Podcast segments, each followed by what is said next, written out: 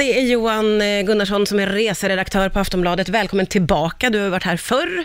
Hur är läget? Du, det är alldeles strålande. Vi ska prata om udda resmål, någonting som mina lyssnare har gått igång på jätte, jättemycket. Och jag vet att du går igång på det också, för du har ju på riktigt gjort flera resor till udda eh, resmål. Vilken är din senaste eh, lite ovanliga resa? Eh, senaste, det får jag nog säga var så sent som i helgen. Eh, vi åkte till Odessa i Ukraina och sen vidare upp till ett riktigt bortglömt hörn av Europa, upp till Moldavien och den egenhändigt utropade republiken Transnistrien. Vad är det för någonting? Det, det är ett område i sydöstra Moldavien som eh, för, på 90-talet någon gång utropade sig som ett eget land. Så de har egen valuta, egen armé och egen poliskår och Oj! egen tull och allting. Men det är ingen annan som erkänner dem som ett land. Men det är ingen, moldaverna verkar inte bry sig och inte ryssarna heller. Så att de, de kör på som om de vore ett eget land. Nej men gud vad roligt och vad knäppt. Ja. Hur, hur var den här resan då i, i stort? Ja, det, just där uppe i den här Moldavien och Transnistrien var ju helt fantastisk. För det var ju, alltså den här, min drivkraft att resa det är ju dels med nyfikenheten och sen det här också att man får, att ens fördomar kommer på skam. Att man lär sig lite mer om eh, hur, människor är och hur ställen är. Istället för bara att bilda sig en uppfattning av det man matas med här hemma. Så där uppe var det helt fantastiskt att se så här Lenin-statyer på Stora paradgatan i Tiraspol, i den här Transnistriens huvudstad, till eh, komma eh, människor nära i den mån det gick då på Ja. grund av eh, med, med språket då. Men Ja. det var en fantastisk resa och se allt det här som är helt annorlunda. Det fanns Ja. ingenting, inga skyltar, inga gatskyltar, inga reklamskyltar, Oj! inga affärer som jag kände igen. Nej.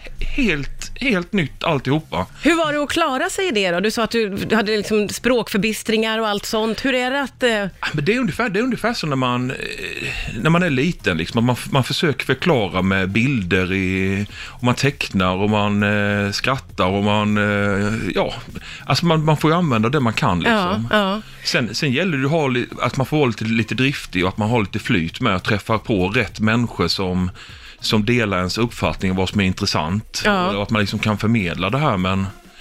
Ja, nej, man, man får göra så gott det går. Liksom. Ja. Det, För många är det ju ganska viktigt med matupplevelser när man åker eh, på semesterresa. Hur var, hur var din matupplevelse den här gången? jag går ju igång på sån här, den här väldigt bonda, bonnamaten, så här Ja. potatisdumplings fyllda med lök och Ja. i bästa fall någon eh, liten morot så här. Ja, fick, I- du, fick du något sånt då? Ja, jag fick massa sånt. Ja, du gjorde det? Så du var nöjd? Ja, det så, så, där, där och då är det ju det bästa man kan äta. Ja. Så här liksom en lokal, eh, lokalt käk, de här små, nästan som potatisravioli. Ja. Där och sen en rätt kass öl, men Ja. som ändå är Helhetsupplevelsen blir ändå Ja toppen. det, ja, det blir fantastiskt där och då. Ja, det ja, det kan inte bli bättre. Roligt.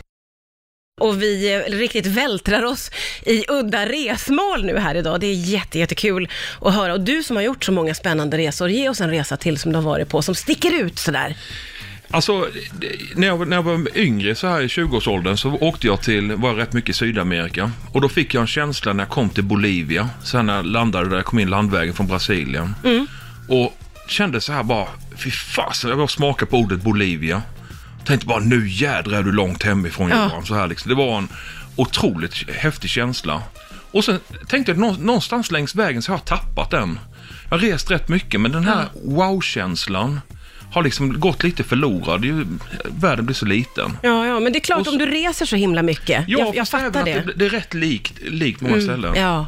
Och sen var det en, en kompis som för några år sedan berättade att hon skulle åka till Teheran i Iran. Ja. Och jag tänkte bara, hur, va? Kan, man, kan man åka dit? Ja. Så jag tänkte att ja, men jag passar väl på när hon ändå skulle vara där ett tag. Så tänkte jag att ja, men jag testar väl att åka dit. Och, och kände så här bara att jaha, det här, det här är ju en häftig resa redan in- innan jag ens har köpt biljetten. Ja ja, verkligen. Och kommer dit och när man när jag flög in, eller gick in för inlandning mot, mot Teheran så här jättetidigt på morgonen. Titta ut genom fönstret på flygplanet och se Teheran, denna mytomspunna stad. Detta myller bara ovanifrån och se alla dessa lampor och bergen i horisonten. Så jag bara, ah, jag höll på att smälla av. Och, och, och då fick jag exakt samma känsla bara. Vad häftigt. Fy fasen, Teheran. Ja. Och hur var det då att vara där? Ja, så otroligt häftigt. När man kom in så här i fantastiskt stora Njavaran-parken till eh, Shahens gamla palats Golastan och otroligt vänliga, supervänliga människor så här som bjöd in en och, och käka och man fick gå in i moskéer, man fick gå in överallt och var otroligt glada över att jag var där. Ja. Och sen var det ju eh, det här som, eh, kanske en annan drivkraft då, att det här med man fick kämpa med sina fördomar. Så här, men jag hade ju tänkt mig att alla skulle vara på ett visst sätt och så kom jag dit och, och så är det inte alls så. Och sånt är ju underbart att få vara med om, att det liksom, sånt kan sättas på skam Ja, och att man det. Det får en, ny upplevelse. Ja. Det är ju he- nästan hela poängen med att resa egentligen. Ja, jag, jag tycker det. Ja. Det, blir, Ja. det blir sånt otroligt mervärde för mig själv. Jag känner mig riktigt rik så här. Ja. Fast det är så här det är. Ja. Det var inte alls som jag hade trott mig. Nej. Allt, jag tror inte alls att det skulle vara så. Och just de här supervänliga människorna och sen, ja, sen kommer vi in på maten innan och det kan man inte låta bli här heller. Nej, jag måste få fråga. Ja, Hur var maten? Ja, men det var ju så här, de här mycket kebabkött, hårt grillat kött Ja. med... Nej, det, Nej, det låter gott. Ja, det låter gott. Det är gott. Det är gott. det är gott, gott. Det är ju någonting som går igång i när man får lite fantisera om vart man skulle åka. Jag har ju ställt frågan till mina lyssnare. Det är jättemånga som hör av sig. Det är ganska många som säger att de skulle vilja åka till Tjernobyl. Vad, vad känner du när jag säger det?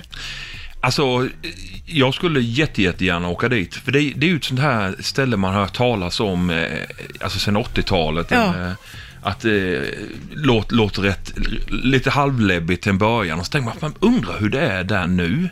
Vad har det blivit för konsekvenser av, av den här olyckan liksom? Och Ja.